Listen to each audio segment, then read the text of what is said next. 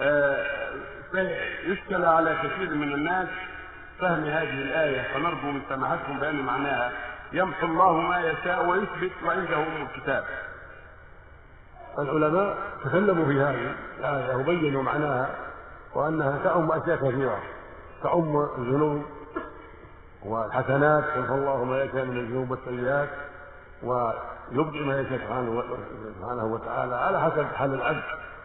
فإذا أطاع الله جل وعلا واستقام على كتب الله له الحسنات ومحى عنه السيئات وإذا تاب إلى الله محى عنه السيئات وهكذا يمحو الله ما يشاء من الشرائع وينسخها ويثبت ما يشاء في في وقت وقت الرسول الذي بعثه الله مثل ما شرع الله لنا اولا استقبال بيت المقدس ثم شرع الله بعد ذلك أن نستقبل الكعبة. يمحو الله ما يشاء سبحانه وتعالى. من الشرائع ومن الذنوب والأوامر والنواهي. وقال بعضهم هكذا بعد الاقدار المعلقة.